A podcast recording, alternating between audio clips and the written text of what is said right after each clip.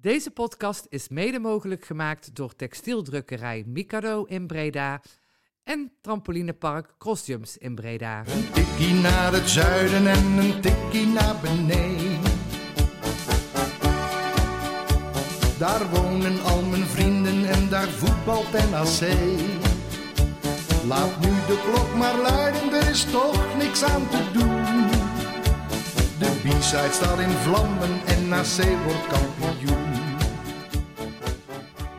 Ja, welkom luisteraars bij een nieuwe Tikkie naar het Zuiden, de podcast van B-Side Reds over NAC. Eh, nummer 67 alweer. En eh, we hebben besloten om eh, de maandagochtend al bij elkaar te komen, want eh, dan denken we, we beginnen de week lekker positief. En ik zit hier met dezelfde samenstelling als, eh, als vrijdag, en dat is samen met Levine Goedemorgen. en met Ivo. Goedemorgen. Ja, wat, eh wat Koningsdagperikelen, waarom we even wat eerder opnemen eh, vandaag. Ja, je kan het maar gehad hebben. Ja, ik had het maar gehad hebben. En eh we hadden er ook wel eigenlijk zin in om er weer even over te praten. Want het werkt net als de matchcast toch een beetje therapeutisch. Hoe hebben jullie de afgelopen dagen eh, gehad, jongens? Eh, want eh, vrijdag eh, zijn we hier toch wel met een eh ja, chagrijnige blik vertrokken. Hoe is het nu? Nou, de, de boosheid die ik afgelopen vrijdag voelde, die is wel iets gezakt. Maar ik ben nog steeds niet vrolijk. Nee, ja, ik ben redelijk gelaten eigenlijk. Ik, eh, ik heb van het weekend andere dingen gedaan. En weinig met NAC bezig geweest eigenlijk. Nou ja, heel, heel, daar hebben we het straks over. Maar je bent heel de zaterdagochtend bezig geweest met dank. Oh, ja, nee, maar, Maar, dat, dat was... Nee, maar Ivo heeft het weekend ook heel veel gedronken. Dus die stukjes kwijt van het weekend. nee, we zijn, waren niet met NAC bezig. We waren eh, Ja, met Lisa Reds bezig. Klopt, daar gaan we het straks uitgebreid nog, eh, nog over hebben. Want het was een, eh, was een mooie ochtend, zaterdagochtend. Eh, ja, moeten we het nog heel even kort over de wedstrijd hebben? Eh, ik kan heel kort zijn. Ik, heb denk als je geen- podcast over NAC doet, ontkom je niet aan het voetbal. eh. Nee, nou ja, ik, ik heb vrij weinig aanknopingspunten gezien afgelopen vrijdag. Dus in dat opzicht eh, valt er ook vrij weinig door te praten daar, daarover, over het voetbal. Ja, het, het is natuurlijk echt van de zotte dat we nu vijfde staan. Hè? Ik, ik, het- daar maak ik me dus echt wel een beetje boos over. Kijk, dat, dat je geen tweede wordt, daar valt misschien nog ergens wat van te zeggen. Maar vijfde, kom op. Dit is echt, echt zo zwaar onder de maat. Echt, nou, ik voel me weer een beetje boos worden. Op zich, als je naar onze laatste klassering in de eh, KKD kijkt. eh, het vorige afgebroken seizoen stonden we vijfde toen het seizoen afgebroken werd. Eh 2016, 2017, het jaar dat we promoveerden, stonden we ook vijfde.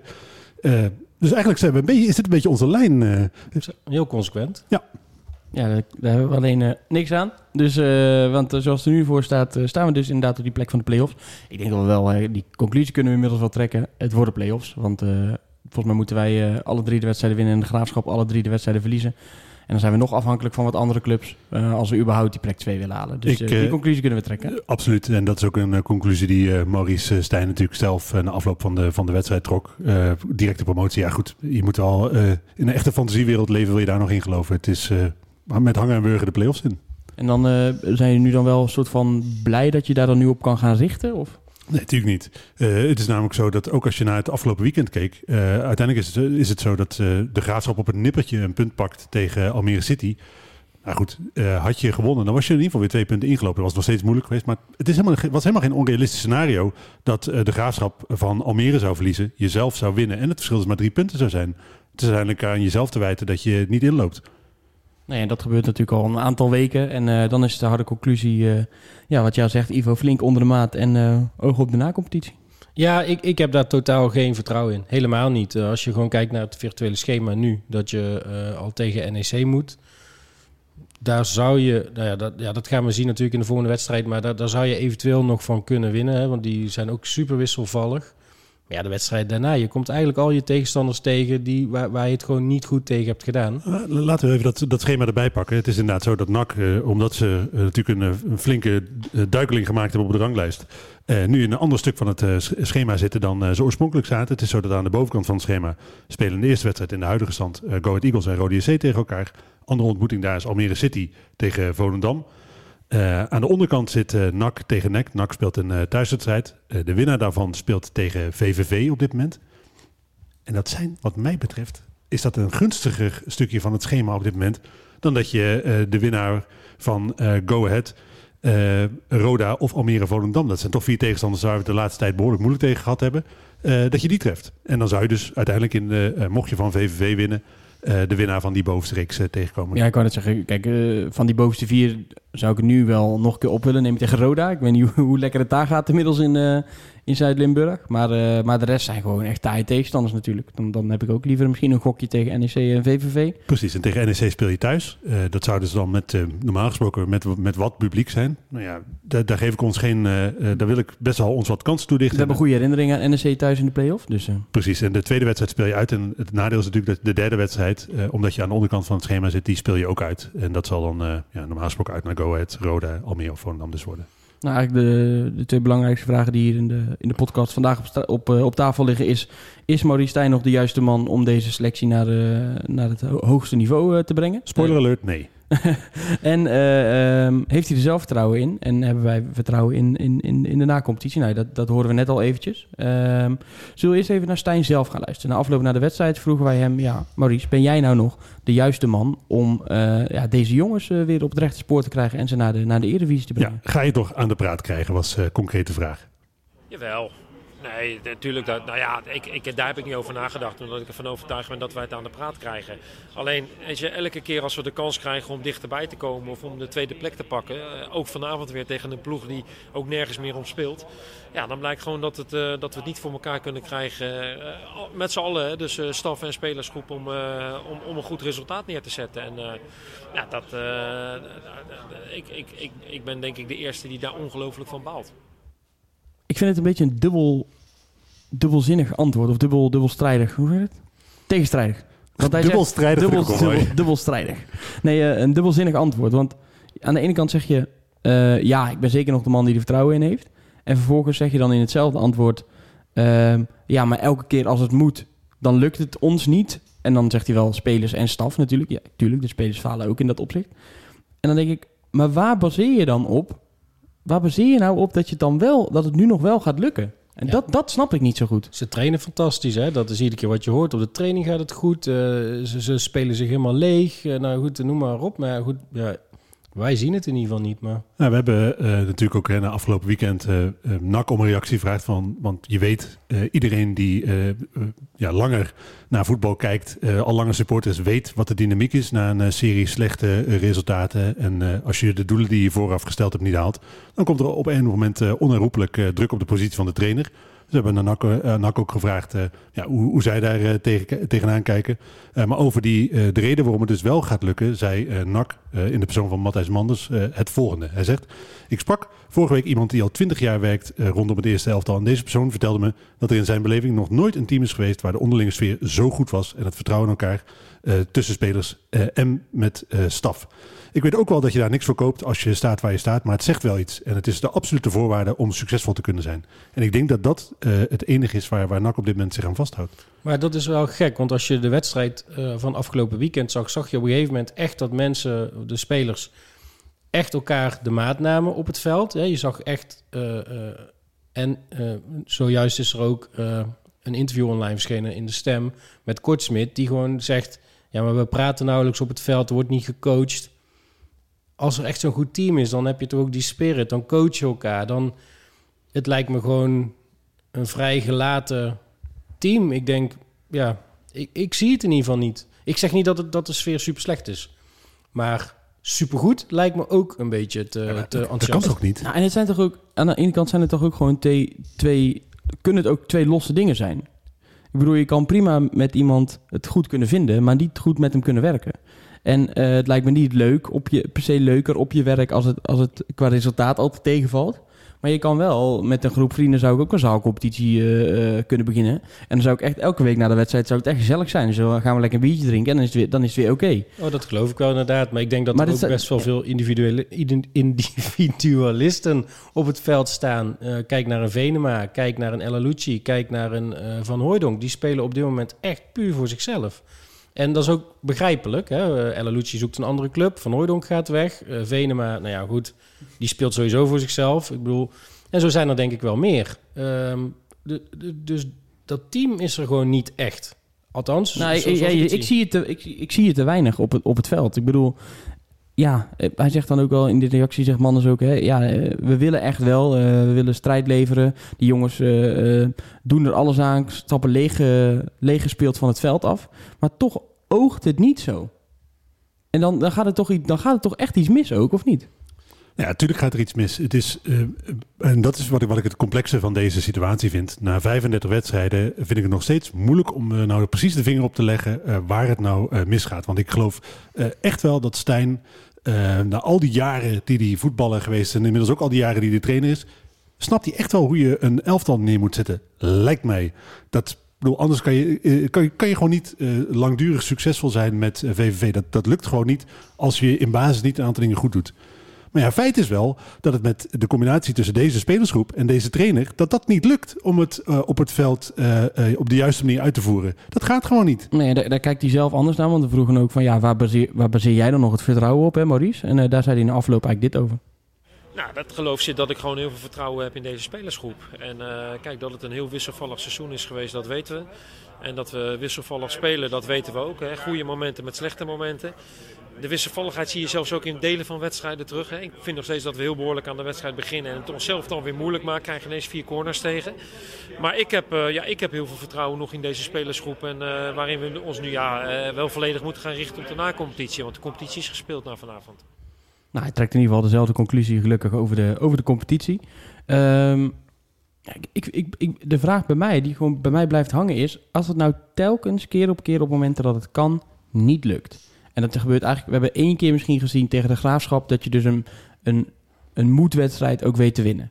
Ehm, wa- waar, waar baseer je dan dat vertrouwen op? Van, ik heb er toch nog vertrouwen in dat het lukt met deze jongens. En dat het... Ja, ik zie ook gewoon geen aanknopingspunten in het spel. Nou ja, en dat is het. Hè. Eh, mijn, mijn frustratie afgelopen vrijdag zat dan voor een heel groot deel in het feit dat ik dacht, eh, je hebt al 35, of op dat moment eh, 33 wedstrijden, heb je van alles geprobeerd. Op het moment dat je tegen Rode speelt, je probeert tegen Rode JC dan een keer iets volledig anders. Nou ja, ik zag daar aanknopingspunten in. Eh, en de weken na eh, ga je weer het systeem spelen wat al het hele seizoen niet werkt. En ik denk als je dus ook geen keuze als trainer durft te maken voor een andere aanpak, ja, dan gaat ook het resultaat natuurlijk niet anders zijn. Dus ik heb er echt geen vertrouwen in. Ik zou echt niet weten waar je dat vertrouwen vandaan moet halen. Nee, ik ook niet. Ik, ik, ja, ik, Nou ja, ik ben het er helemaal mee eens. Ik, zit, ik, ik probeer me ook te bedenken. ehm, het zou gek zijn als hij geen vertrouwen heeft in de spelersgroep, want hij heeft hem grotendeels eh, zelf samengesteld. Ehm, wat mij gewoon erg opvalt, en dat vallen meer mensen op, is dat hij gewoon echt super rigide vast blijft houden aan bepaalde spelers en aan bepaalde speelwijzen, eh, ondanks dat het niet werkt. Ehm, en eh, eh, daar gaat het volgens mij gewoon mank. We hebben uiteindelijk Malone ook gevraagd: hebben jullie dan vertrouwen nog in de trainer? En hij geeft dan wel aan in zijn interview: we hebben het erover gehad. Hè, twee weken geleden, dus dat was het na de wedstrijd tegen. Misschien jong Ajax of zo? Zoiets? eh, ja, eh, ja, was het jong Ja, Ajax? voor jullie terecht? Jong ja, toen Utrecht hebben was ze gewonnen, toch? Ja, maar Ja, oké, maar dat lijkt me ja, gek moment. Maar Nou, goed, ik- of nee, het was naar Go Ahead volgens mij. Dat Oh, we ja, verloren hadden van Go Ahead. En eh, hij geeft dan aan, ja, we hebben het erover gehad... en we hebben gezamenlijk de- het vertrouwen in de trainer uitgesproken. Er wordt steeds gesproken dat ze supergoed trainen. Dus dat, dat zou het dan kunnen zijn. En, eh, ja, Nou ja, goed, wat, dat, weet je, dat klopt ook. Daar zijn we niet bij. Eh, en als, en, en als, als collectief vertrouwen hebben in de trainer, ja, moet je dan iemand eh, wegsturen? Misschien werkt dat ook wel niet, want dan, dan jaag je misschien weer zo'n zo'n eh, spelersgroep de kast op. Dus dat blijft natuurlijk Maar- voor ons altijd gissen. Maar geloof jij echt dat, dat er zo'n groot onderling vertrouwen is? Want nou, je kan wel een, een paar spelers kan je natuurlijk wel opnoemen die dat niet hebben. nee toch? Dat Dus- lijkt me logisch. Er zijn, neem ik aan, ik denk, maar dit- is echt beoordelen vanaf de buitenkant. Ja, hè, ja, want eh, we zijn niet niemand is welkom bij de trainingen op zondag. De spelers zijn zelf amper welkom bij de trainingen. Eh, dus je kunt eh, niet echt een goed oordeel vellen over wat daar precies gebeurt. Maar je kunt natuurlijk wel een oordeel vellen over wat je op het veld ziet. En dat lijkt mij toch echt geen homogene groep die allemaal super enthousiast fan van de trainer is. Kijk naar de strijd tussen El Lucci en Van Hooydonk op het veld. Daar spreekt toch geen één doel, één missie, eh, eh, allemaal voor, het, eh, voor, voor elkaar eh, mentaliteit uit. nee, Nee. mee eens. 100%. Eh, ik, ik denk ook dat... ehm, er wordt wel eens gesproken over eh, de spelers die onder andere ook weer bij Den Haag hebben gezeten. Hè? Malone en een Immers. Ehm, ja, eh, Rutte komt daar volgens mij ook nog vandaan, toch? Nee, Nee, die, die heeft die Oh. samengewerkt bij VVV. Bij VV, oké, ja. Die lijken toch een bepaalde eh, voorkeursbehandeling te krijgen op een of andere manier. Nou zijn dat ook de, de, de meest ervaren spelers op papier. Dus dat, daar zou je nog iets voor kunnen zeggen. Alleen als je op een gegeven moment merkt dat eh, als trainer dat die aanpak niet werkt... dan zou je toch verwachten dat je als trainer eh, eerder in het seizoen al... eh, je methode aan gaat passen of iets anders gaat doen. Of, ehm, ehm, nou goed, een gezamenlijke vijand kiezen. Nou, nou, nou doen ze dat enigszins alleen dan, wat mij betreft, eh, De verkeerde de mensen. verkeerde mensen. Hè? Dus eh, de- het hielp denk ik met de graafschap. Maar ja, om nou je supporters als gezamenlijke vijand te nemen... lijkt me ook niet zo'n eh, zo'n heel goed plan.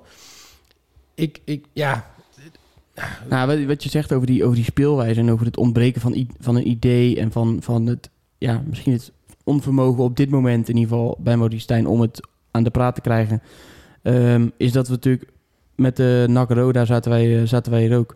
En toen zei jij eigenlijk, eh, of Roda NAC, toen zei jij Levin, ja, ik heb nu voor het eerst in ieder geval een idee gezien. En hoe het dan wordt uitgevoerd, dat is natuurlijk dat is een tweede. Maar ja, als je dan een week later weer een soort van terugpakt eigenlijk naar, naar een oude vertrouwde. En hij zegt wel, nee, ik probeer er nu ook weer met drie achterop te spelen. Maar ja, als ik op het veld keek, zag ik gewoon vier mensen achterin. Ja, ik ook. Dat, eh, met, en weer de poppetjes op andere plekken. Hè? Want ga daar, eh, daar moeten we ook niet aan voor, voorbij gaan. Nee. Ja, er staat er eentje altijd op dezelfde plek. En twee. De keeper en eh, Malone. Die staan altijd op dezelfde plek. En de rest wisselt daar een beetje omheen. Dat is natuurlijk... En Overigens wil ik wel heel even over Malone. Ik zag bij ons op de website ook, iedereen ging weer helemaal los op, op eh, Dion Malone. Eh, A, kan hij er zelf vrij weinig aan doen dat hij wordt opgesteld door de trainer. Lijkt me heel gek als je voetballer zegt, weet je wat jij moet doen, mij niet meer opstellen. En twee, hij was absoluut niet de slechtste man van het veld. Nee. En wat jij zegt, hè, je, eh, als eh, speler moet je te- niet tegen de trainer zeggen, je moet mij niet meer opstellen. Ik, ik snap wat je zegt, maar als je aanvoerder bent, dan is het jouw taak om in het grotere, eh, aan het grotere geheel te denken. maar En- misschien voel je je al juist de verantwoordelijkheid om niet de handdoek in de ring te gooien. nee, maar je moet ook eh, een- van een aanvoerder verlangen ik dat hij eh, eerlijk op zijn eigen presteren kan reflecteren. Ja, dat klopt. volgens mij heeft daarom- hij dat ook wel gedaan. Ik denk dat hij Ja. best wel eerlijk naar zichzelf kijkt. En zegt, ik heb echt, echt ook terecht kritiek gehad. Maar je, merkt ook wel in het interview met ons... wat ik overigens respect hoe dat hij dat ons te woord stond. Ik, want het was een zwaar interview. Je hoorde hem af en toe echt zuchten bij de vragen. Wat ook terecht is natuurlijk. Maar ehm, ik vond dat hij best logische antwoorden gaf, ondanks dat hij niks zei. Hij gaat zijn trainer niet afvallen. Hij gaat ook niet voor zichzelf bepalen dat hij niet de juiste aanvoerder is. Nee. Dat is Nee, en natuurlijk ik vind super het- logisch. ja. Maar En ik vond het dus te makkelijk dat dat na afloop dan iedereen... Want als je kijkt naar die man of the match verkiezing... dan krijgt hij het allerlaagste cijfer. En dan denk ik, nou, dan heb je niet naar de wedstrijd gekeken. nee, dat, dat vind ik ook echt niet terecht. Want er waren Stijn echt- het laatste cijfer. Met een, wat ik laatst wat ik gezien had, Ja, was een spelers, 1,9. qua spelers in ieder geval. Want de Kai de Roy, die heb ik helemaal niet gezien, bijvoorbeeld. ja, alleen dan grond ziet, hè? Ja, dat was hem. Ja, maar goed, dan is het natuurlijk zo. Hè, na zo'n wedstrijd als deze kom je uiteindelijk toch op de vraag van... moet je met deze trainer verder? Eh, we spraken eh, na afloop eh, van eh, de wedstrijd... spraken we onder andere met eh Sjoerd Mossou. En eh, die zei over een eh, eventueel ontslag van de trainer het volgende. je moet altijd kijken, werkt het nog? Het voorbeeld van eh, een van de beste beslissingen, die, vind ik, die NAC op, op technisch gebied de laatste jaren genomen heeft, is toch dat ze afscheid namen van Dijkhuizen en voor Vreven eh, alles op zwart speelden. Hè? Dus eh, gewoon een heel ander type trainer, die bracht de swing in en die bracht het naar de nacompetitie. En dat, dat zorgde voor nieuw elan. Maar je kunt die situaties natuurlijk nooit één op één kopiëren. Ik kan niet in de kleedkamer kijken, ik, kan niet, ik, ben, ik ben niet bij de elftal. Als je aan de buitenkant zegt, dan denk je van ja, er moet iets gebeuren, wil je nog even kans maken. Maar misschien eh, heeft hij nog een soort joker in de hoge hoed. Ton Lokhoff zou dit moeten kunnen beoordelen. Hè, heeft het zin inderdaad om met deze trainer ook de nacompetitie in te gaan? Of moeten we eh, ja, een, gok, een gok nemen? Want ook als je een nieuwe trainer neemt, is het natuurlijk ook een pure gok. Ik denk dat hij een beetje dezelfde conclusie trekt als, als, als die wij trekken hier. Ik bedoel, ja, we zijn er niet bij in Zundert. Misschien zijn ze wel, is het inderdaad wel het allerbeste team... en zijn ze de allerbeste vrienden die ooit bij NAC met elkaar samen hebben gespeeld. Maar ja, we zien het allemaal niet aan de buitenkant. Maar toch denk ik, eh, uiteindelijk maakt het eh, geen hol uit wat er in Zundert gebeurt. Als ze elkaar iedere dag eh, daar de tent uit vechten, weet je wel, elkaars banden lek steken, in elkaar schoenen pissen, maakt me geen reet uit. Als ze elke vrijdag er staan, dan is het voor mij totaal irrelevant hoe goed of slecht het in Zundert gaat. Eh, uiteindelijk mag ik als supporter het oordeel vellen eh, wat er echt toe doet. En dat is namelijk, lukt het in de wedstrijden? Of het door de week lukt, is helemaal niet relevant. Het gaat erom dat je op de momenten waar het er echt om gaat, presteert. En dat doet NAC al structureel het hele seizoen eigenlijk niet. Nee, en, dus is ook het enige waar ze zich denk ik nog aan vast kunnen klampen en nu doen. Zeggen dat het een team is en dat ze er eh, alles aan doen en dat er hard wordt getraind en, en, en dat ze het onderling zo goed kunnen vinden. Want dat is op dit moment is dat het enige waar je nog achter je kan verschuilen eigenlijk. En voor de mensen die eh, eh, hopen dat NAC een eh, radicale keus gaat nemen, die moet ik echt, echt teleurstellen. Want over het eventuele ontslag van eh Maurice Stijn zei Matthijs Manders in een reactie het volgende. Ik ga hem voorlezen. In het verleden werd er vrij snel radicaal ingegrepen als het minder ging. Maar wij geloven in de kwaliteiten van onze mensen. Die hebben ze eerder ook al bewezen. Vergeet ook niet dat we gedurende het seizoen ook steeds verder hebben uh, doorgeselecteerd in de selectie en dat de staf bij aanvang van de voorbereiding er nog niet was. De aanlooptijd was kort. Lopende het seizoen hebben we nog afscheid genomen van meerdere spelers, vanuit budgetoogpunt, maar ook om de selectie verder te versterken. Met de komst van Ton zijn we compleet en staat er een sterk technisch hart. En ik heb er vertrouwen in dat we in ieder geval klaar zijn voor de juiste keuzes en de juiste spelers richting volgend seizoen. Eredivisie of keukenkampioen-divisie. De tijd dat we als club steeds mensen wegstuurden ligt achter ons. Want we denken dat we van tegenslag leren en er sterker door worden. Einde, citaat. Ja. Nou ja, goed. Hij noemt dan wel nog even Ton Lokhoff. Maar ik vraag me af of Ton betrokken is in deze uh, reactie. Je hoorde Sjoerd ook wel min of meer zeggen in zijn reactie in ons interview dat hij wel van uh, Ton verwacht en dat hij ook het mandaat heeft om bijvoorbeeld zo'n keuze te maken om Stijn eruit te gooien. Uh, ik weet niet, hebben we die ook? Ja, we hebben ook nog een fragmentje waarin inderdaad uh, heeft over, over de samenwerking tussen Lokhoff en Manders. En of Manders, of Manders Lokhoff nou de vrijheid gaat geven uh, om bijvoorbeeld alleen te beslissen over Stijn. Ehm, Precies, want als je natuurlijk naar de afgelopen periode kijkt, naar de aanlopen van dit seizoen en ook de samenstelling van de uh, mensen binnen de club, dan is het natuurlijk zo dat je niet om de band tussen Manders en Stijn heen kan. Precies, dat is ook een beetje waar ik naartoe wilde. Ehm, dus en, en er zijn. Oh, nou, ja. ja. We gaan even dus naar het fragmentje. We gaan heel even luisteren naar wat uh, Sjoerd daarover zei. Dat moet nu gaan blijken. Dat moet nu gaan blijken.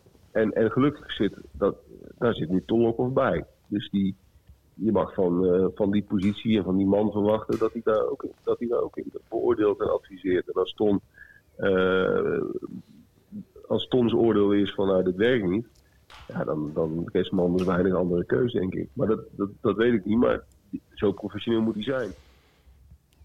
Maar goed, dat is dus de vraag. Uh, wat, wat er daar gaat gebeuren. Um, we, we hebben het al eerder aangehaald. Hè? Dus um, hoe Ton is aangesteld. Um, ik, ik krijg heel sterk de indruk dat dat niet zijn uh, primaire kandidaat is geweest. Dat dat toch echt Jeffrey van As is geweest. Die daar in de podcast met Jadran uh, echt uh, Lijkt me ook. ook wel omheen draait. Hè? hij verwijt iedereen dat ze niet eerlijk zijn. Maar uiteindelijk als hij zelf de vraag krijgt, dan begint hij ook te stotteren. Um, hij heeft geen concreet aanbod gehad. ja, ja, dat was het. precies. Maar ze hebben wel. Ja, maar op het moment dat je een beetje uh, een minder concreet aanbod is natuurlijk. Jeffrey, zou je, zou je in principe voor ons willen werken? Zou je ah, leuk nou, ik, ik, zit nu wel bij Roda, dus dat is wel lastig. Maar als je me los kan kopen, dan kan het. Oké, okay, kom erop. Nee, terug. hij, zei, hij zat goed op zijn plek. Waarop Jan natuurlijk vroeg: joh, uh, maar als je zegt ik zit goed op mijn plek, dan heeft er iemand gevraagd. Wil je naar ons toe komen of niet? Ja, bedoel, dat Volgende is een vrij logische conclusie.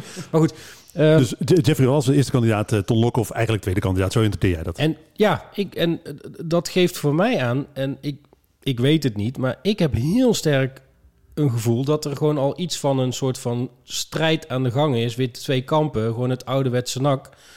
En nog interessant. En dat is gewoon nooit positief, linksom of rechtsom. En daar maak ik me eigenlijk het meest zorgen om. Want uh, we hebben ook uh, daar straks met, uh, uh, met Chris van Nijnatten, daar zullen we straks ook een fragmentje van horen. En die zegt ook, het meest chagrijn zit erin dat als je Stijn wegstuurt, dat je gewoon weer, weer gewoon met een afloop Twee jaar, hè? Zit. dan meegeven. En ik denk dat heel veel supporters diezelfde, datzelfde spanningsveld op dit moment voelen. Aan één kant weet je dat het niet werkt. Aan één kant, joh, Maurice, je, je bent een oud NAC-speler, maar het werkt gewoon niet. Ga alsjeblieft gewoon ga alsjeblieft een andere club zoeken. Dan daar is iedereen bij geholpen. Maar je weet gewoon, het kost NAC weer een bak met geld. De aandeelhouders moeten de portemonnee trekken. Uh, het is in geen enkel opzicht positief. En de vraag is of een andere trainer, wie dan ook, ik zou niet weten wie, het wel in, in twee, drie wedstrijden op de rit krijgt om uiteindelijk te gaan vlammen in, in drie wedstrijden. Nou ja, en dat is natuurlijk, je kunt je, je kijken naar alleen de play-offs, maar ik vind dat te makkelijk. Je moet natuurlijk ook naar het grotere plaatje uh, richting komend seizoen kijken. En, en daar denk ik zijn we het allemaal wel over eens. Op het moment dat we komend seizoen opnieuw keukenkampioen spelen, met deze speelwijze, uh, grote lijnen, deze selectie, deze trainer, ja, dan gaan we natuurlijk exact hetzelfde voorgeschoten krijgen. En geloof mij, daar heb ik echt nul zin in. Nee, echt helemaal niet. Met een, beetje, met een beetje geluk zit je dan ook weer elke week op de tribune. Dan moet je er ook nog uh, in nou het ja, stadion naar kijken. En, en dat wat Ferry, wat Ferry natuurlijk in onze vorige podcast ook al zei, dan weten we allemaal hoe het precies gaat op het moment dat er weer publiek in het stadion zit. Uh, het is hetzelfde rukvoetbal. Dan is Stijn natuurlijk ook gewoon in oktober weg. Want dan kan uh, Manders hoog, en, hoog of laag springen. Maar dan wordt hij gewoon met pek en veer het stadion uitgejaagd. Nou, misschien staan we na acht wedstrijden dan toch weer ongeslagen nog bovenaan. Dat kan. Ja, dat is maar dat gelooft helemaal niemand. Nee, precies. En ik denk dat Ferry, uh, Ferry daar gewoon een heel goed punt heeft aangehaald. En waar, waar ik me dan ook nog een beetje zorgen over maak, is wat er nu speelt. Um, um, uh, NACGA is uh, van plan om de, de seizoenkaartcampagne te lanceren op niet al te lange termijn. Hè. Ja, dit gaat onherroepelijk effect hebben. Ik bedoel, als je dit kutvoetbal voorgeschoteld krijgt, er zijn mensen die denken... ik hoef niet naar het stadion eh, vanwege de corona. Het is eigenlijk ook best gezellig om met mijn vrouw op de bank eh, naar eh, Lego Masters te kijken. Ik noem maar even iets. Die denken, Jezus. Dat is, als, Oh, dan is het wel als ik dat gezelliger vind dan, dan, stop ik, dan sta- stap ik gewoon van het balkon af. Nee, maar, en eh Manders heeft dat ooit eerder in onze podcast ook al aangegeven... dat dat er wel ook de angst van NAC is. Dat mensen gewoon zich gaan beseffen... doordat ze niet iedere weekend naar het stadion hoeven... dat er ook andere dingen in de wereld zijn. En eh, de wereld gaat langzamerhand weer open. De, de terrasjes gaan open. NAC is, staat niet meer op nummer 1 bij heel veel mensen. En ik, ja, ik, ik vrees echt dat eh, eh, eh, voor het aantal seizoenkaarten... wat er nou gewoon Het verkocht is, moet worden... ik moet eerlijk zeggen, dit, dit zou natuurlijk finesse voor de club zijn als je heel veel seizoenkaarthouders verliest en voor de, eh, voor de fundering van de club. maar, maar dat als je heeft, na ook, één- heeft ook met het spel te maken. nee, absoluut. Maar als je na één seizoen na, na, met kutvoetbal en je mag een keer niet naar het stadion, dan mogen we allemaal niet, hè? Nee. En je gaat dan zeggen, ik vind het leuk om, om, om Lego Masters te kijken. Nou, ga dan ook maar lekker Lego Masters kijken. Nee, maar heel even, hè. Eh, als, je nu, eh, als jou nu gevraagd wordt, eh, Thijs, eh, volgend, volgend jaar, we, we, we hebben natuurlijk wel een perspectief dat we weer allemaal naar het stadion mogen, maar 100% zeker is dat niet. Eh, geef ons weer eh, blind dik 200 euro. Doe je dat? Nou ja, nee, ik denk het niet. Want ja, dat zeg ik nu en dan doe ik het waarschijnlijk uiteindelijk toch. Ik heb nu ook niet de gouden genomen. En dan krijg je nu nog, krijg ik dan binnenkort de vraag: wat wil ik doen met die compensatieregeling? Ja, dat zal echt. Ik heb toen gezegd, ik wil, want toen zaten we natuurlijk ook echt in een, in een soort sportieve financiële crisis. Met, met iedereen die was weggestuurd en afkoopsommen die betaald moesten worden. Dat ik heb gezegd, nou, ik, eh, ik ga voor die kortingsregeling. En dan eh, aan het eind van het seizoen, als NAC slim is, eh, riep ik toen al, dan zullen ze wel met een soort compensatie komen aan het einde waarin je toch kan doneren. En dan wil ik wel even genoeg houvast ook zien. ehm, dat ik zeg van nee, hou mijn geld maar en ik betaal het nog een keer. Maar goed, wat jij ook altijd zegt. Ik kan nu wel heel, stoer zeggen, ja, nee. Maar mij dit keer niet hoor, dit keer pakken ze me niet. En dan komt straks die brief of dan komt straks die compensatieregeling. En dan zeg ik, ja, oké, ja, houd ook maar. Dus omdat, omdat je niet wil dat het aan jou ligt. En, Nou, en, en ik dat, heb, dat ik heb dit ja. weekend best wel veel in appgroepen eh, waar ik, waarin ik zit. eh, mensen die afgelopen weekend een andere keuze hebben gemaakt. Die zeiden, ja, we gaan, we gaan wel een gedeelte... Die zeggen, fuck it, ik vraag gewoon heel, al mijn geld terug. En het is ook Maar totdat je gek. echt de keuze moet maken. Nou, ja, dat zijn toch gasten die toch allemaal wel 30 jaar al op de tribune zitten. Langer dan ik. En, ja, precies eh, daarom. Daarom denk ik uiteindelijk dat ze waarschijnlijk toch betalen. En daar denk ik dat eh, eh, je mag daar als club zijn niet op rekenen. Want eh, het is echt zo dat afgelopen, afgelopen zomer had ik dat al. En inmiddels zit ik weer op hetzelfde punt. Dat de rekker best wel een eind uit is. Ik ben totaal klaar met het feit dat het altijd kut is bij NAC. Echt totaal klaar. Eh, en eh, weet je, eh, de, het aantrekken van Ton Lokhoff is echt een goed idee geweest. Het aantrekken van Stijn was op dat moment ook een heel te verdedigen keuze. Ik vind de terugkeer van Leurling heel positief. Ik vind het goed dat een icoon als Penders ook terugkeert. Dat zijn allemaal positieve dingen. Maar onderaan de streep is het echt nog steeds totaal kut. En ik wil dat dat ophoudt. Ik wil gewoon dat dat ophoudt. En eh, op het moment dat ik eh, weet dat Maurice Stijn volgend jaar opnieuw de trainer is, ik weer dit seizoen eh, weer zo'n seizoen voetbal voorgeschoten krijg, nou ja, dan gaat voorlopig de verlenging van de seizoenkaart echt even onder op de stapel met brieven. Dan stel ik die beslissing zo lang mogelijk uit. Ik, tuurlijk neem ik een seizoenkaart, maar ik ga hem echt niet meteen nemen. Als je, Alex Knook, als je luistert, hij neemt een seizoenkaart. Het komt goed. Je maar kan ik ga er wel heel ja. kwaad toe. Ja. Ja. Ja, maar dat is het. En ik vermoed dat wat Ivo ook zegt, dat er echt een aantal mensen zijn die zeggen, weet je Absoluut. wat, bij mij is het, eh, is het, gewoon, is het gewoon klaar. Absoluut. Want je, je hebt ook mensen die gewoon eh, eh, die eh, zeg maar niet eh, voor de volle 100% van die club houden en gewoon komen omdat ze voetbal leuk vinden om met een paar mensen op de tribune te zitten. Nee, maar luister, het Die, is al... die groep heb je sowieso, maar ik denk dat je op dit moment bij de groep aangeland bent Nee, dat die ik. 100% keihard van die club houdt. eh, Dat bedoel en ik. ook denkt, zoek het maar uit. Als je de Nou- afgelopen vijf jaar kijkt, dat we gewoon iedere keer gewoon bam, 10.000 kaarten, ook in de keuken, ook na de degradatie. Het is echt bijzonder hoeveel seizoenkaarten wij hebben verkocht eh, afgelopen jaar. Hè? Even los van de promotie toen, want toen... ehm, ik denk dat daar nu echt een groot gedeelte van af gaat haken. Er is altijd een vaste kern, eh, sowieso eigenlijk alle 1912-leden en de, de gouden seizoenkaarthouders. Ik denk dat dat een beetje de B-side en de maar die ging, en dat heeft Levine ook al gepakt, die gaan toch wel. Dus daar ga je met je campagne überhaupt niet op targeten. Het is nou de mensen die, die echt twijfelen. En die ga je op dit moment, met het spel wat je nu laat zien, ga je die niet over de streep trekken. Je zal heel erg je best moeten doen om 10.000 te halen, denk ik. En ik merk bij mezelf echt dat ik ook inmiddels denk, bloed maar, bloed maar.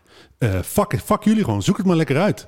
Eh, los je eigen shit op en kom maar bij me terug op het moment dat je je problemen opgelost hebt. Eh, het is de tijd dat ik jullie problemen oplos door eindeloos mijn portemonnee te trekken, is echt wel klaar. Kom maar eens een keer terug met een goed voorstel bij mij in plaats van, jongens, hè, we gaan het weer doen komend jaar, we gaan het, nu gaat het wel lukken. Je hebt toch, je hebt toch een 10-jaren plan gehad van Manders? Ja, nou goed, van het tienjaarplan Kijk, klopt wat er mij- ook geen ene reet. Wat mij nu aan de ene kant heel erg steekt en ehm, eh, als supporter is dat we eigenlijk best wel de maat genomen worden eh, door verschillende mensen binnen de club. Hè. Ja, Eh, dat was niet het anders. is allemaal te kritisch en het is allemaal te zus en het is allemaal te zo. En daar zullen we zo meteen nog wel verder op ingaan. Maar als puntje bij paaltje komt, kloppen ze wel weer bij ons aan. Hé, maar hey, je moet wel Noah tonen. Je moet wel weer achter je club gaan staan. Hè? En eh, hè, dus ze, ze proberen ons sentiment aan te spreken. En eh, ik vind dat heel misplaatst op dit moment. Want ik denk aan één kant, laten jullie het nu maar eens zien. Exact. Wij zijn er altijd. Wij rijden, Ja. afgelopen zaterdag rijden wij weer eh, na- naar, naar, door heel, heel Breda, heel, heel Brabant om, eh, voor onze club. Om, om shirtjes eh, te gaan bezorgen. En ehm, ja, dat, dat zie ik die gasten gewoon niet doen. En joh, weet je, het steekt me in- inmiddels. En bij mij heeft het echt kwaad bloed gezet dat, eh, dat ze zo op die kritiek eh, blijven hameren. Want het is gewoon super terecht dat die kritiek er is. En dat het soms ongenuanceerd is. Dat hoort denk ik een beetje bij een volksclub. Dat het soms te veel op de man is, daar mag je wat van zeggen. Maar het feit dat er kritiek is op het baggervoetbal... wat wij al heel het seizoen zien... vind ik niet meer dan terecht. Punt. En eh, ja, goed. Ik, ik merk, merk dat bij mij het bloed ook weer een beetje... weer Nou, helemaal goed. Ik denk dat dit een mooi eh, moment is om even een kleine intermezzo in te voeren. Eh, laten we even gaan luisteren naar het eh, gesprek wat we vanochtend al hebben opgenomen met, met Chris van Nijnatten. Daarin hebben we het over, andere, over de wedstrijd, over de positie van Stijn, maar ook zeker over de kritische noten die door sommige spelers achteraf werden gekraakt. Ja, we hebben aan de telefoon Chris van Nijnatten. We bespreken natuurlijk het afgelopen weekend, maar ook zeker de positie van, eh, van NAC en die van, van Stijn. Chris, goedemorgen. Goedemorgen. Hoe heb jij het afgelopen weekend beleefd? Eh, qua voetbal eh, tamelijk eh, afgesloten. Ik, ik heb een gekke eigenschap eh, als supporter van NAC. Als het slecht gaat met mijn club, dan kijk ik niet naar de stand, dan kijk ik niet naar de statistieken. Dan interesseert mij het hele voetbal eigenlijk vrijwel niks. Dan focus ik op andere dingen. Nou, dan heb je genoeg gehad om op op te focussen. Want ja, wij eh, waren- hadden toch al de conclusie getrokken dat het, eh, dat het nergens op leek. Ehm, ben, jij, ben jij geschrokken van afgelopen, afgelopen vrijdag? Nee, want er zit een, eh, een soort tendens in. Het gaat eigenlijk bijna steeds zo van kwaad tot erger. Ik, ik vind het over de hele linie overigens een zeer teleurstellend seizoen. Ook al staan we redelijk hoog met de club, maar natuurlijk niet hoog, zo hoog als we hadden willen staan. Maar het is gewoon een, eh, een seizoen waarin, je, waarin er meer ergernis is dan eh, vreugde om het voetbal en om NAC. Ik bedoel, ik beleef heel veel vreugde iedere keer weer als ik op een wedstrijddag mijn, eh, mijn vlag aan de gevel hang thuis. En dat zal ik ook altijd blijven doen. Maar het zagrijn als ik dat ding weer binnenhaal s'nachts, dat, is, eh, dat is onpeilbaar. Ja, dat, eh, dat gevoel herkennen wij hier allemaal eh, aan tafel. we hadden Ja, vrijdag eh, in onze, in onze matchcast hebben we het ook al uitgebreid gehad over, over Stijn en de positie van Stijn. En of hij nog de juiste man is om dit recht te trekken. Hoe kijk jij daarnaar? Ja, zoals jullie weten heb ik, voordat ik bij de KNVB werken, ben ik ook heel lang voetbaljournalist geweest. Ik heb zelden geroepen om het hoofd van een trainer. Dat doe ik niet zo gauw. In dit geval probeer ik me ook nuchter op te stellen. Eh, kijk, om, het eh, functioneren van een trainer te beoordelen zijn er een paar parameters. Dan moet je kijken naar eh, ja, wat, wat voor spel laat het eerste team zien. Maar heet het? Marie Stijn heeft nog meer verantwoordelijkheden gehad. Die is ook een tijdje technisch directeur geweest. Dat heeft hij gecombineerd. Nou, dan moet je de parameters die daarvoor tellen is van nou, hoe staat het met de waardevermeerdering van je selectie? Hoeveel jonge spelers komen er door? Nou ja, dat alles bij elkaar opgeteld, dan, heeft hij, dan, heeft hij, dan haalt hij geen voldoende. Ik bedoel, ik zie ook de voldoendes wel hoor. Hebben een, eh, een tweede keeper die zomaar eerste keeper kan zijn. Daarmee zie je waarde, hoewel ik dat een verschrikkelijke term vind voor een supporter. Maar het is wel zo voor een club. Maar voor het overige is het, eh, ja, is het, is het heel matig wat, eh, tot slecht wat hij zijn team heeft laten zien. Ja, en daar is hij verantwoordelijk voor. Zo is het nou eenmaal. Ja, en dan hebben we natuurlijk, lijkt het nu wel echt zeker dat we die na-competitie gaan spelen. Eh, zou, je, zou je die dan in ieder geval door mo- moeten trekken met dezelfde man? Of, of, of is dat, eh, kan je met een schokeffect misschien iets teweeg brengen? Het blijft natuurlijk een soort loterij, die laatste wedstrijden. Ja, ik geloof, ik geloof daar niet zo in. Als je eh, gaat uitzoeken wat gemiddeld genomen het effect is geweest van, een, van, het, van het wegsturen van de trainer, dan, dan is dat vrij minimaal. Ik geloof ook niet dat de selectie zoals die nu is van NAC, dat je die in één keer goed aan het voetballen krijgt. Daar, geloof ik eigenlijk helemaal niet meer in.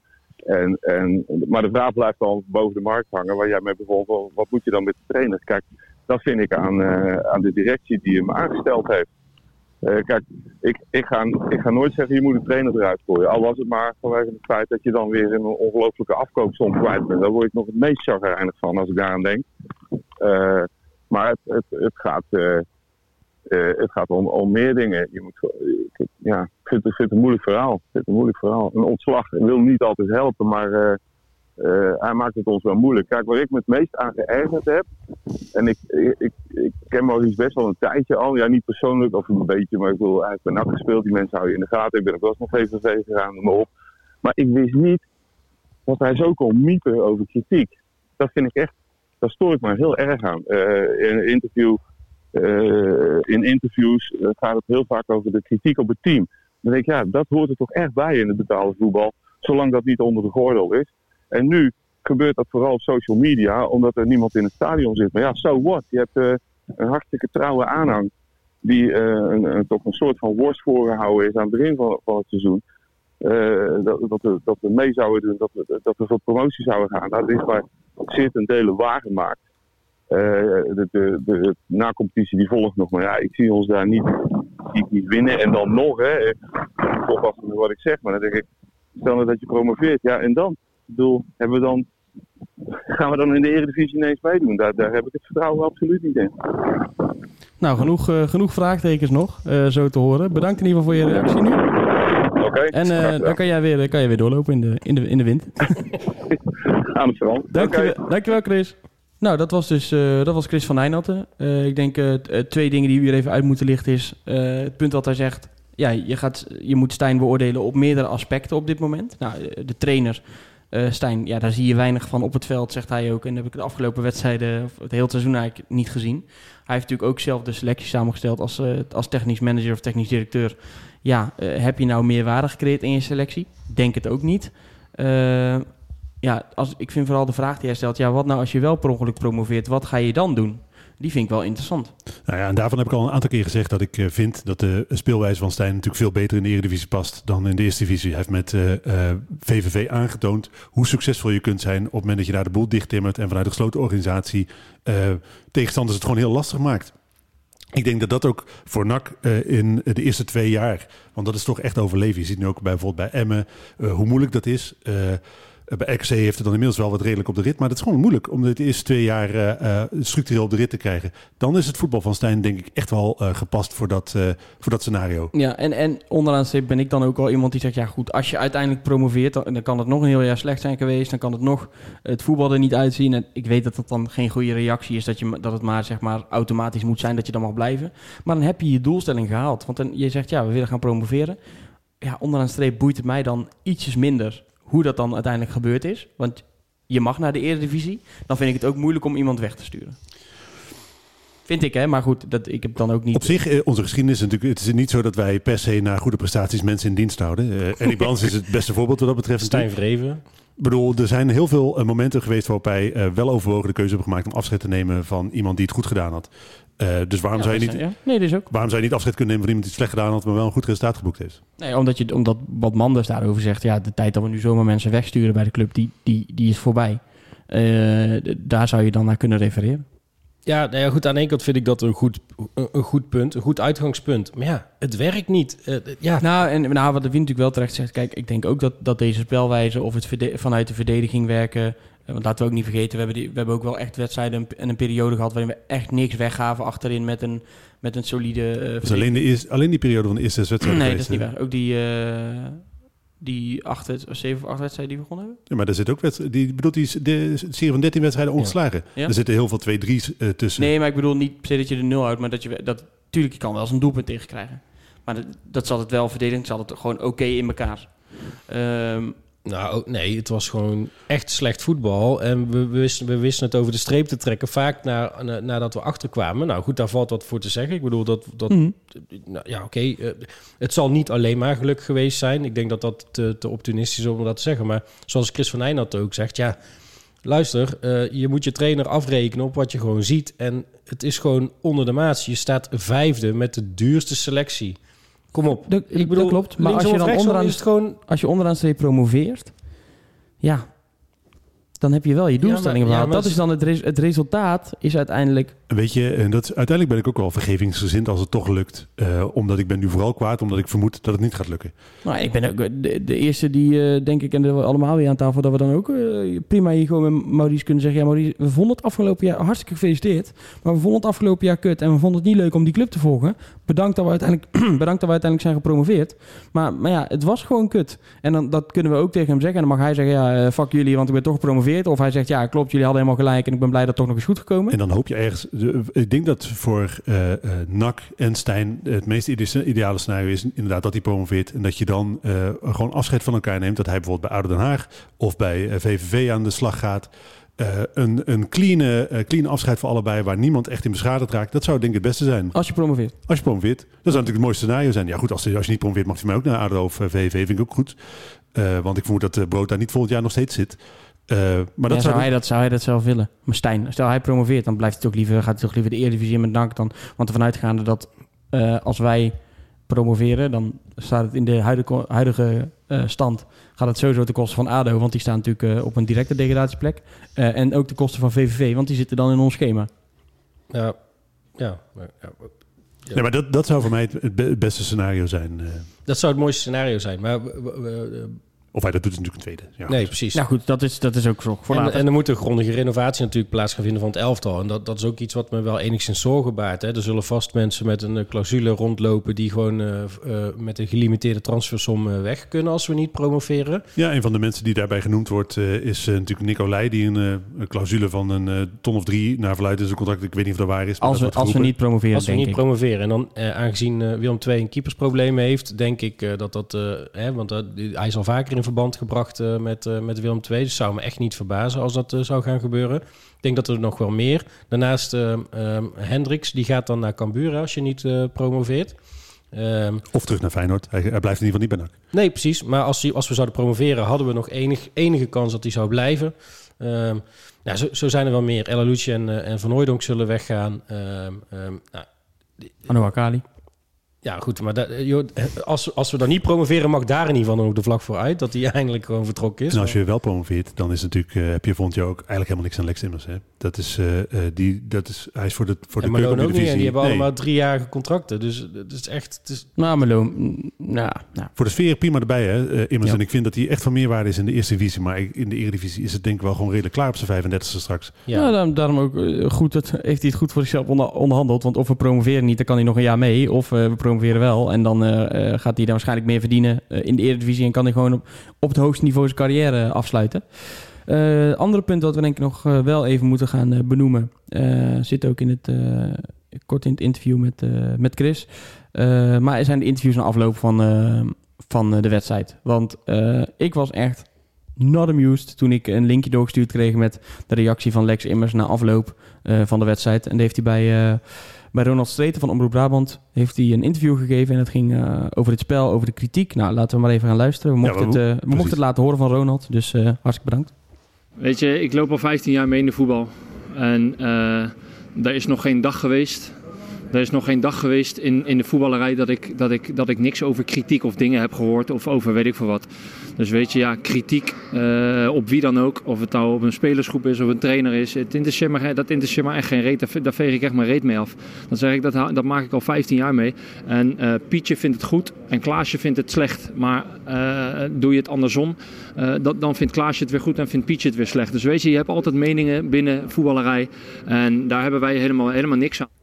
Je kan nooit iedereen tevreden houden. Nee, maar ik denk je- dat het ze wel op dit moment lukt om bijna niemand tevreden te Nee, houden. maar Pietje en Klaasje zijn natuurlijk ook wel heel kritische NAC-volgers. Ja, dat is waar. Nee, het is natuurlijk wat, wat hij hier zegt. Ik snap ergens wel waar hij vandaan komt. Hè. Dat, eh, eh, dat, er zijn natuurlijk altijd zoveel meningen in een eh, eh, achterban... dat je het uiteindelijk nooit helemaal goed kan doen. Maar eh, A, de kritiek is nu redelijk eh, eensgezind. Eh, en twee is, je kunt niet zeggen dat omdat het in de achterban... dat daar nooit één mening is... dat alles wat daar gezegd wordt onzin is. En dat je daar dus niks mee moet. Nou ja, en hij zegt ook, wat, wat, wat van Chris bijvoorbeeld zegt ook daarover. Die zegt, ja, eh, vroeger zaten we in het stadion. Dan kreeg je ah, een wedstrijd tegen Excelsior. Dat was echt niet leuk geweest hoor, die gasten. Er was gewoon 90 minuten lang eh, een, een fluitconcert in je nek. En terecht. Ja, dat het nu online is. Of dat je dat nu via de krant of via onze website of bij de rad moet lezen. Wat ze zeggen dat ze het niet lezen. Maar dan reageer je er wel vrij makkelijk op. Dat ook, hè. Ik, Ja. hoor niks, ik lees niks, ik zie niks. Maar wat ik hoor en lees, daar ben ik super boos op. Ja, en het grappige is dat Stijn exact hetzelfde zei. Dus daar moet over gesproken worden onderling. En eh, wat, wat mij gewoon heel erg steekt, is dat, ehm, dat het juist de supporters zijn eh, eh, eh, die nak maken tot wat het is. En als je dan zo die supporters de maat Ja. neemt, omdat ze kritisch zijn over het, over het slechte spel, over de slechte prestaties. Ja, eigenlijk dan, zeg dan je- begrijp je het gewoon eigenlijk zeg je gewoon... Ja, we, gaan, we gaan even naar, zo naar de reactie van. Maar eigenlijk wat je zegt is... ja, jij hebt al... Jij, we hebben het nu echt over die groep mensen die al jarenlang seizoenkaart hebben. Ja, jullie kunnen wel een mening hebben over eh, de club en, eh, en, en eh, het groepje wat je altijd support. Maar ja, maakt mij eigenlijk niet uit. Ik veeg gewoon mijn reet mee af. Ah, En dat is natuurlijk, hè, het is eh, op, op dit moment past nederigheid. Ja. Eh, je moet je gewoon bescheiden op durven stellen. En Net je als moet- Meloni bij ons in het interview. Gewoon zitten en eh, geschoren worden. En je moet durven erkennen dat het gewoon niet goed is. Eh, hij zegt in hetzelfde interview met, eh, met eh, eh, eh, Ronald ook van... ja, jullie zitten allemaal veel te zwart in. Eh, dan denk ik, eh, vriend, wat is er voor gelul, man? Je, is- dat jij op het veld staat wil misschien wel zeggen... dat jij het veel minder goed ziet dan ik zie. Tuurlijk. En dan stel, stel je grijpen wordt... ze terug op Roda. Hè? Da- Ja. da- Daar ging het bij Vlagen goed. Als je dan een week daarna ziet dat eh, de nummer laatst gewoon, eh, gewoon met 7-0 7-0. wint. Van de, van de ploeg in vorm. Hè? En dan, dat, dat wij dan op ons, ons op de borst kloppen dat we 3-3 spelen tegen Roda. Kom op man, echt. Welkom in de keukenkampioen-divisie? Ja, nee, Ja, want, dat- eh, ja, dat- maar- alleen Cambuur is goed. De rest is kut. Ja, nee, maar dit slaat natuurlijk compleet nergens op. Nee, dat vind ik ook niet. En, en ja, het, het, doet gewoon zeer als iemand dat dan zegt. Ik denk, kom op, hé. Dat, kan je toch niet- dat kan je toch niet serieus nemen? En toch lijkt er binnen NAC best wel eensgezindheid over het feit dat die kritiek, dat het allemaal maar ruk is. Want eh, we hebben natuurlijk ook eh, de reactie van Mans, waar ik al eerder aan refereerde. Nou, hij zegt over die kritiek eh, het volgende. Ik moet wel zeggen, en dat zeg ik al sinds mijn komst bij NAC, dat ik het jammer vind dat er veel en hard op de man wordt gespeeld. Daar wordt het niet beter van en helpt ons niet vooruit. Je kunt je voorstellen als iedere week de kritiek op één of twee personen is gericht, dat er dan wel iets met zo iemand gebeurt. En geloof me, de trainer en zijn staf willen iedere wedstrijd winnen en stellen de spelers op waarmee ze denken dat daarmee de grootste kans op is. Tuurlijk, Einde citaat. ja, tuurlijk doet het wat met iemand als die elke week eh, kritiek krijgt. Dat geloof ik absoluut. Ehm, maar als je al vanaf moment één zegt dat kritiek niet klopt, dat het ongegrond is. eh, eh, nou, net als nu dan met Immers. Dat hij dan zegt van, ja, ik veeg er mijn mee af. dat soort dingen. Dan denk ik, oké, tuurlijk moeten wij soms ook even pas op de plaats maken met, je, met kritiek. Want soms kan je ook te fel zijn. Alleen gewoon nergens die erkenning zoeken. Alleen maar zeggen, ja, ik snap het wel, maar dit, maar dat. En ik denk, luister eens even, wij zijn wel NAC hè. Wij zijn de club, wij zijn de grootste club in deze competitie. Met eh, zo ongeveer het hoogste budget. Het zal misschien, eh, misschien dat Cambuur iets meer te dat weet ik allemaal niet precies. Maar we hebben in ieder geval niet het kleinste budget. Als je nou een speler was geweest van FC Eindhoven, Top Os, Helmond Sport of NVV... dan had ik het prima begrepen als je het gezegd had. Dan is het inderdaad, ja, het wel de keukenkampioen-divisie jongens. Eh, Ja, nou, wij zijn en- ongeveer net zo goed als de, eh, alle andere ploegen. Ja, dan kan het zijn dat het soms beter, soms slechter gaat. Nou, prima. Maar je bent de grootste club. Je hebt uitgesproken dat je wil promoveren. En dan leg je een heel seizoen lang dit al op de mat. En dan durf je nog eh, te, te miepen op het moment dat je kritiek krijgt. En er is, echt, er is echt niet zoveel verdeeldheid nu onder supporters. Tuurlijk, het kan zijn dat je nu inderdaad derde had gestaan, het net misloopt, eh, dat het spel ietsje beter is. Dan heb je ook twee groepen, want ze zegt één, ja, we hadden gewoon moeten promoveren en het spel moet nog beter. En de andere helft zegt, joh, eh, geef, geef ze gewoon de tijd, want ik zie genoeg aanknopingspunten en we hebben het helaas net misgelopen, inderdaad door corona of door een bal op de paal. Maar nu is het gewoon ziet iedereen toch dat het, dat het voetbal slecht is en dat er weinig aanknopingspunten zijn. En dan zeggen van, eh, ja, ik vind het zo jammer dat er veel kritiek is en jullie, jullie zien het allemaal veel te zwart. Dan denk ik, nou, huh, dat klopt niet helemaal. Ja, en het wordt nu gewoon geuit via social media, omdat we niet in het stadion zitten. En Manders geeft ook in zijn reactie aan van ja, zelfs een fluitconcert kan ons wel eens helpen. Maar dat denk ik niet, want dan was het echt, echt geen, niet leuk geweest in het stadion. Echt niet. We hebben al eerder zo- zo'n seizoen gehad en dan is het echt... Als je op een gegeven moment tijdens de wedstrijd alleen maar geroezemoes hoort... omdat iedereen gewoon met elkaar zit te ouwehoeren... omdat het gewoon weer niet om aan te gluren is. Want ook dat hebben wij meegemaakt. Hè, toen, eh, toen het eh, seizoen dat we ook weer degradeerden. Nee, dat, ik, nee dat, dat is dan social media, maar dan in het. Eh, eh, dat, dat, gaat dat gaat de ploeg ook niet vooruit helpen. Dus het, is gewoon, het slaat gewoon nergens op. De kritiek op de kritiek is gewoon... eh, het- Misschien goed om nog even de reactie van Manders op Ja. het eh, interview van Immers eh, Dat, eh, voor te lezen. Ook dat lees ik even voor. Ehm, eh, Lex is zeer begaan met de club en heeft, het, heeft echt met zijn hart voor NAC gekozen. Juist vanwege de supporters. De teleurstelling vrijdag was groot en in een emotie kun je wel eens de verkeerde dingen zeggen. Het is natuurlijk niet leuk als de lokale media structureel negatief schrijft. En dat is in vele ogen ook niet altijd terecht. De frustratie kwam er even uit en de boodschap was eerlijk gezegd ook niet gericht aan supporters. Alhoewel dat natuurlijk wel min of meer werd gezegd. Eh, Lex is juist bij uitstek een harde werker en voelt als geen ander aan wat er leeft bij een supporter. Hij, net als de hele groep, snakt naar publiek en om in een sfeervol stadion wedstrijden te spelen. We zijn er ook van, tui- van overtuigd dat met publiek er een wisselwerking gaat ontstaan. gaat ontstaan. We hebben geen verdetten, maar nuchtere, hardwerkende jongens. Daar hou ik van en daar houdt de supporter van. Einde citaat. Er is echt, er zijn nul spelers waar ik op dit moment een wisselmerking mee voel. Echt nul. Ik moet Echt zeggen dat, niet. Ah, dat eh, Immers heeft me wel eh, eh, voor zich gewonnen op met zijn eh, Qua- spel. ja, absoluut. Nee, maar Adileu. Was niet verdedigend heel goed, maar aanvallend. Oh, die actie. Nou goed. nee, maar het nee, behang kwam hier van de muur af toen jij schreeuwde. Oh nee! Nee, maar nou goed. En een, ik vind dat een uh, Bilate heeft het echt goed Zeker. gedaan om, eh, om, de, om de meningen eh, omgedraaid te krijgen. Absoluut. Maar meer dan dat ook niet. Ik vind Immers voegt absoluut in de keukenkampioen-divisie wat toe. Eh, voetballend met zijn ervaring. En hij had alle potentie voor om, om eh, op zijn schouders het stadion uitgedragen te worden. Maar dit helpt niet. Dit helpt gewoon niet. En zeker niet zo'n gast die gewoon altijd in alle interviews, zolang ik hem al op de Nederlandse tv zie, altijd super nuchter is geweest. Je dan zo laten kennen.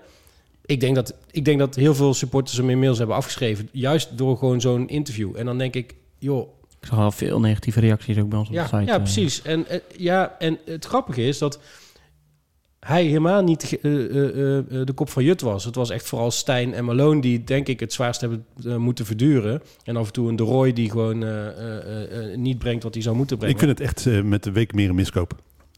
Ik, ik, ik hoop, ik heb nog steeds wel goede hoop dat het er ooit uit gaat komen als, als we een juiste speelwijze hebben. Maar goed, dat is een hele andere discussie.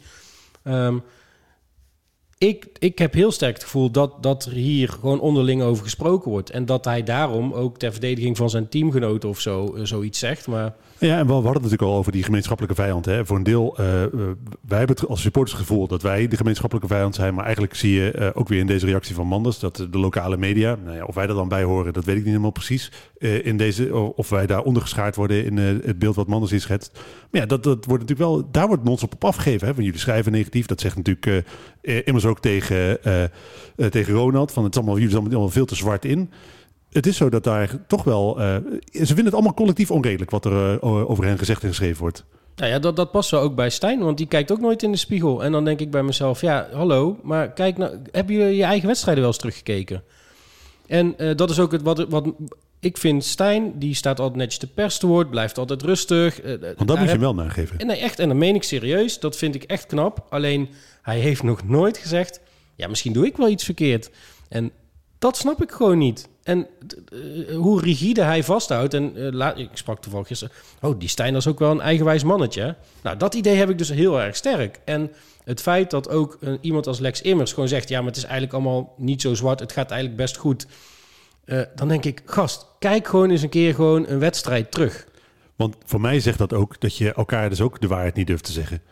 Eh, want wat is het probleem op het moment dat je elkaar echt de waarheid zegt... om dat ook aan plein publiek te zeggen? Van ja, we hebben keihard respect gehad, we vinden het allemaal kut. Het lijkt helemaal nergens waar. We krijgen zeuntjes volgend jaar, dus dan gaat dat zeker Nee, gebeuren. maar ik, dat, ik dat zegt zou, ik zou het beter trekken als je gewoon inderdaad zegt, als je zegt eh, een aantal zaken, als je, als je gewoon bij wijze van spreken alles of niks gaat spelen. eh, als je eh, inderdaad zegt van ja, het is ook allemaal gewoon niet goed genoeg en we, we doen er echt alles aan. We weten dat het gewoon kut is.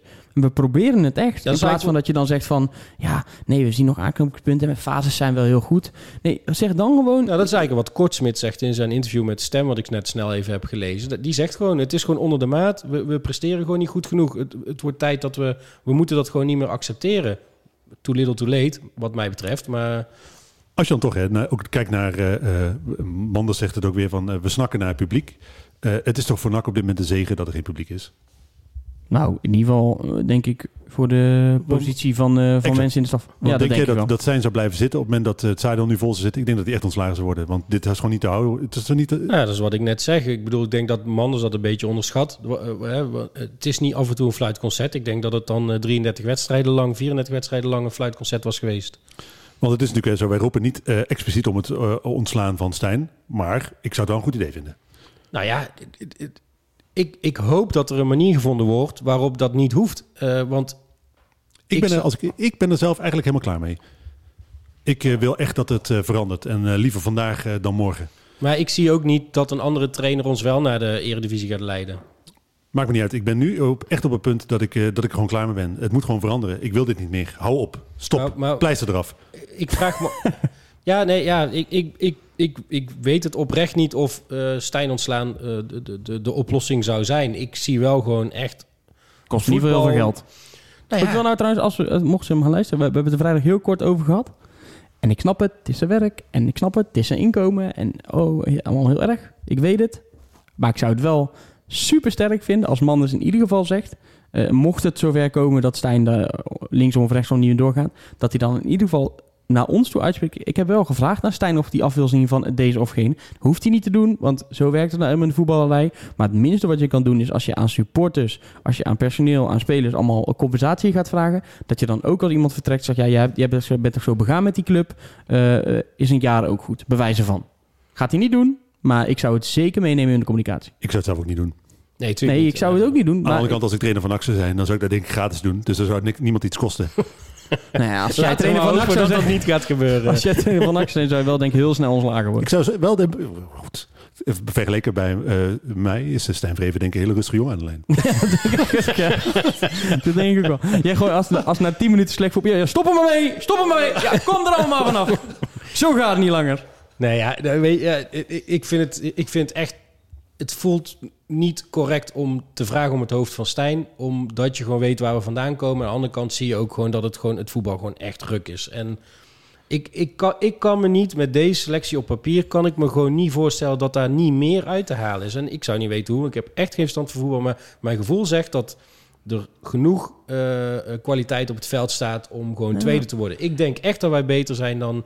Ja, eh, ergens- alle ploegen die nu boven ons staan op Cambuur na. Kijk, en wij- Denk ik echt. ik heb geen verstand van voetbal, jij hebt geen verstand van voetbal, Levine misschien een klein beetje. Eh, Nog niet bijzonder veel, Maar, maar- goed, al die, al die Huh? mensen die bij ons op de site reageren... hebben waarschijnlijk maar heel, heel klein beetje verstand van voetbal. Maar heel veel mensen met een klein beetje verstand, zeg maar... die al jarenlang eh, naar voetbal kijken, maar ook mensen eromheen... eh, al weet ik wel, Van Hooijdonk, Chris van Eijnald, Sjoerd die eigenlijk allemaal zeggen, ja, waar zit ik naar te kijken? Ik zie geen lijn, ik zie geen verbetering, ik zie niemand beter worden. Als zoveel mensen zeggen van... eh, ja, ik, we zien het niet... En, en- Maar ook niemand weet de oorzaak of Nee, de oplossing. precies. En dat is een beetje de gemene deler. En hè? natuurlijk, dan kun je zeggen, ja, maar goed, eh, de, de, het grote publiek, publiek heeft ook heel lang gedacht dat de wereld plat was. Dat klopt wel, maar in dit geval ziet het grote publiek het echt wel juist hoor. Het is gewoon echt heel ruk. ja, dat denk ik ook. Nee, maar oké, maar die conclusie hebben we allemaal getrokken. Alleen is dan... Ik durf er niet mijn hand voor in het vuur te steken... dat Stijn ontslaan de allerbeste oplossing is. Voor NAC. Misschien voor het voetbal, dat het misschien wat mooier wordt. d- Dat wellicht wel. Maar is het de beste keuze voor NAC op de lange termijn? Dat, dat is natuurlijk de eindeloze eh, t- tweestrijd waar je in zit. Want eh, we hebben daar vaak over gehad. Was NAC een stabiele club geweest? En hadden we dit seizoen gehad, dan was Stijn gewoon vertrokken. Zo simpel is het. Maar ja, met on- als met we niet 85 trainers ervoor hadden Precies, ontslagen. maar met onze historie wordt het gewoon complex om weer een trainer te ontslaan. Want we hebben alle soorten, maten, type trainers gehad. Eh, geen van alle werkt supergoed. Dus misschien zit het probleem wel ergens anders dan bij de technische staf. Het zou mooi zijn als, gewoon de, de, als je dan als algemeen directeur zegt... ja, we streven dit jaar naar een, eh, een wat kleinere selectie. Eh, we gaan werken met 21 man en vier trainers. Ja, tenminste één voor de groep en eh, drie die we nog doorbetalen. En eh, dat is de bedoeling voor de komende jaren dat we dat gaan eh, verminderen. Nee, en dat is natuurlijk het probleem. Hè. Dat, dat is het echt. eh, eh, dus je weet uiteindelijk niet. Het, het lijkt alsof het probleem op een andere plek zit eh, dan eh sec bij de trainer. Want alle, alle trainers voor hem is het ook niet gelukt. Eh, maar ergens is het ook te makkelijk om je daar te verschuilen. Ik want denk, ik denk dat het krachtenveld rondom NAC dat dat echt heel erg van invloed is. En daar zijn wij ook een deel van, denk ik. En ik zeg niet dat het onze schuld is dat NAC kut voetbalt, maar het het feit is dat sowieso NAC, niet onze schuld. nee, maar dat het, dat het moeilijk is om NAC tot een stabiele eh, club te maken, daar eh, de, de Daar krachtvelden speel je als supporters natuurlijk een rol in. Ik denk het, het venijn, wij kunnen als supporters ook behoorlijk venijnig zijn. Ja, maar En, uiteindelijk is het niet aan ons om van NAC een stabiele club te maken. Nee, dat klopt. Want weet je. eh, Maar het is ook niet per se aan ons om het super onstabiel te maken. Wij mogen kritiek hebben en zeker vind ik dat we, dat we een stem moeten hebben. Want ja, je betaalt voor, die, eh, voor je kaas, je doet veel voor die club. eh, je bent er dagelijks mee bezig, ook als het moeilijk is. Maar daarom zeg- ik denk ook, net als het gesprek wat we vandaag hebben... dat is alleen maar omdat we gewoon ook een, een toekomst willen voor die club. Omdat we willen kijken wat zijn de oplossingen. Omdat we graag met supporters een, een dialoog hebben. Maar het is niet zo dat wij hier nu zo meteen weggaan en naar het stadion rijden om eh, Stijn bij zijn broekspijpen het kantoor uit te trekken. Nee, hij zal sowieso in Zundert zitten, dus dan... Stijf gesloten. klop, klop, klop. Oh, eh, nee. Hij gaat er nu Nee, uit. Hij is niet niet. Ik Oké, goedjes. ik, ik wil echt, echt niet zeggen dat, dat, dat wij als supporters het zijn. Maar er zijn ook eh, veel coryfeeën rondom NAC die gewoon allemaal... En, en dat, dat hoor je ook vaak terug. Iedereen, iedereen wil wat van NAC. Iedereen heeft zijn eigen belangen.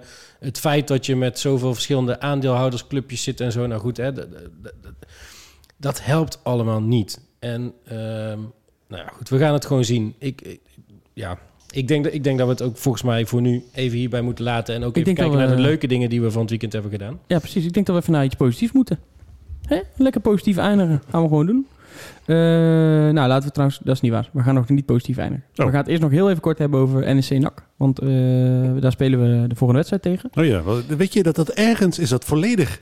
eh, ben, ik, is dat, ben, ik- ben ik daar helemaal niet mee mee bezig? Nou, competitie is klaar, hè? Ja, voor mij wel, goed, waar, ja, de, de wedstrijd is nog natuurlijk wel interessant. A, omdat je eh, gaat toewerken naar die... ehm eh de na-competitie. De naar play- play-offs. play-offs Ja. ontlopen is praktisch onmogelijk. Want ik geloof dat de, de, de ploeg die op nummer 9 staat, heeft 45 punten of zo. Dus Ja, dit, oké, dat- luister. Ik weet niet eens of het kan. Maar als dat gebeurt, dan hoeven we ook de discussie niet meer te voeren wie er allemaal uit moeten. Want als je nu de play-offs nog misloopt... Ja, dan mogen- wel dan mag iedereen zijn wat mij betreft. Joh, dan is het ook gewoon klaar. Hè? Dat is die pleister Nou, ik wil in ieder geval bij deze vast pleiten. Voor, st- stel, we halen wel die play-offs. Dan is het ook in ieder geval voor die korte periode, wat mij betreft, streep eronder. Eh, eh, en dan toch proberen om met, met gokjes en als we weer in het stadion mogen zitten, er alles aan te doen. Zodat wij er in ieder geval alles aan gedaan hebben om, om, eh, om ervoor te zorgen dat die jongens gemotiveerd en, zijn en promoveren. Ja, ik ben ook totaal voor matchfixing als dat onze reguliere divisie helpt. Daarom, Helemaal we nul sturen probleem straks mee. een, Maakt niet uit hoe. We sturen straks een, een tikkie door. Ehm, maar goed, ja, wat verwachten jullie van die wedstrijd? Want het kan dus wel een belangrijke graadmeter worden, omdat je ze nu tegenkomt. Zullen we gewoon... Ik pak maar er even bij hoor. Het is uit, hè? Ja. Ehm, Op een maandag, als ik het goed heb. Ik gok op 3 mei toch? 1-1. 1-1, oké. Wie, wie, wie maakt hem? Barretto en ehm Ella Lucci. Ik denk eh, eh, 3-1 voor NEC. Ik zie dat eh, NEC heeft de laatste drie wedstrijden eh, verloren, ge- gelijk en verloren. Dan gaan ze vast en zeker winnen tegen NAC.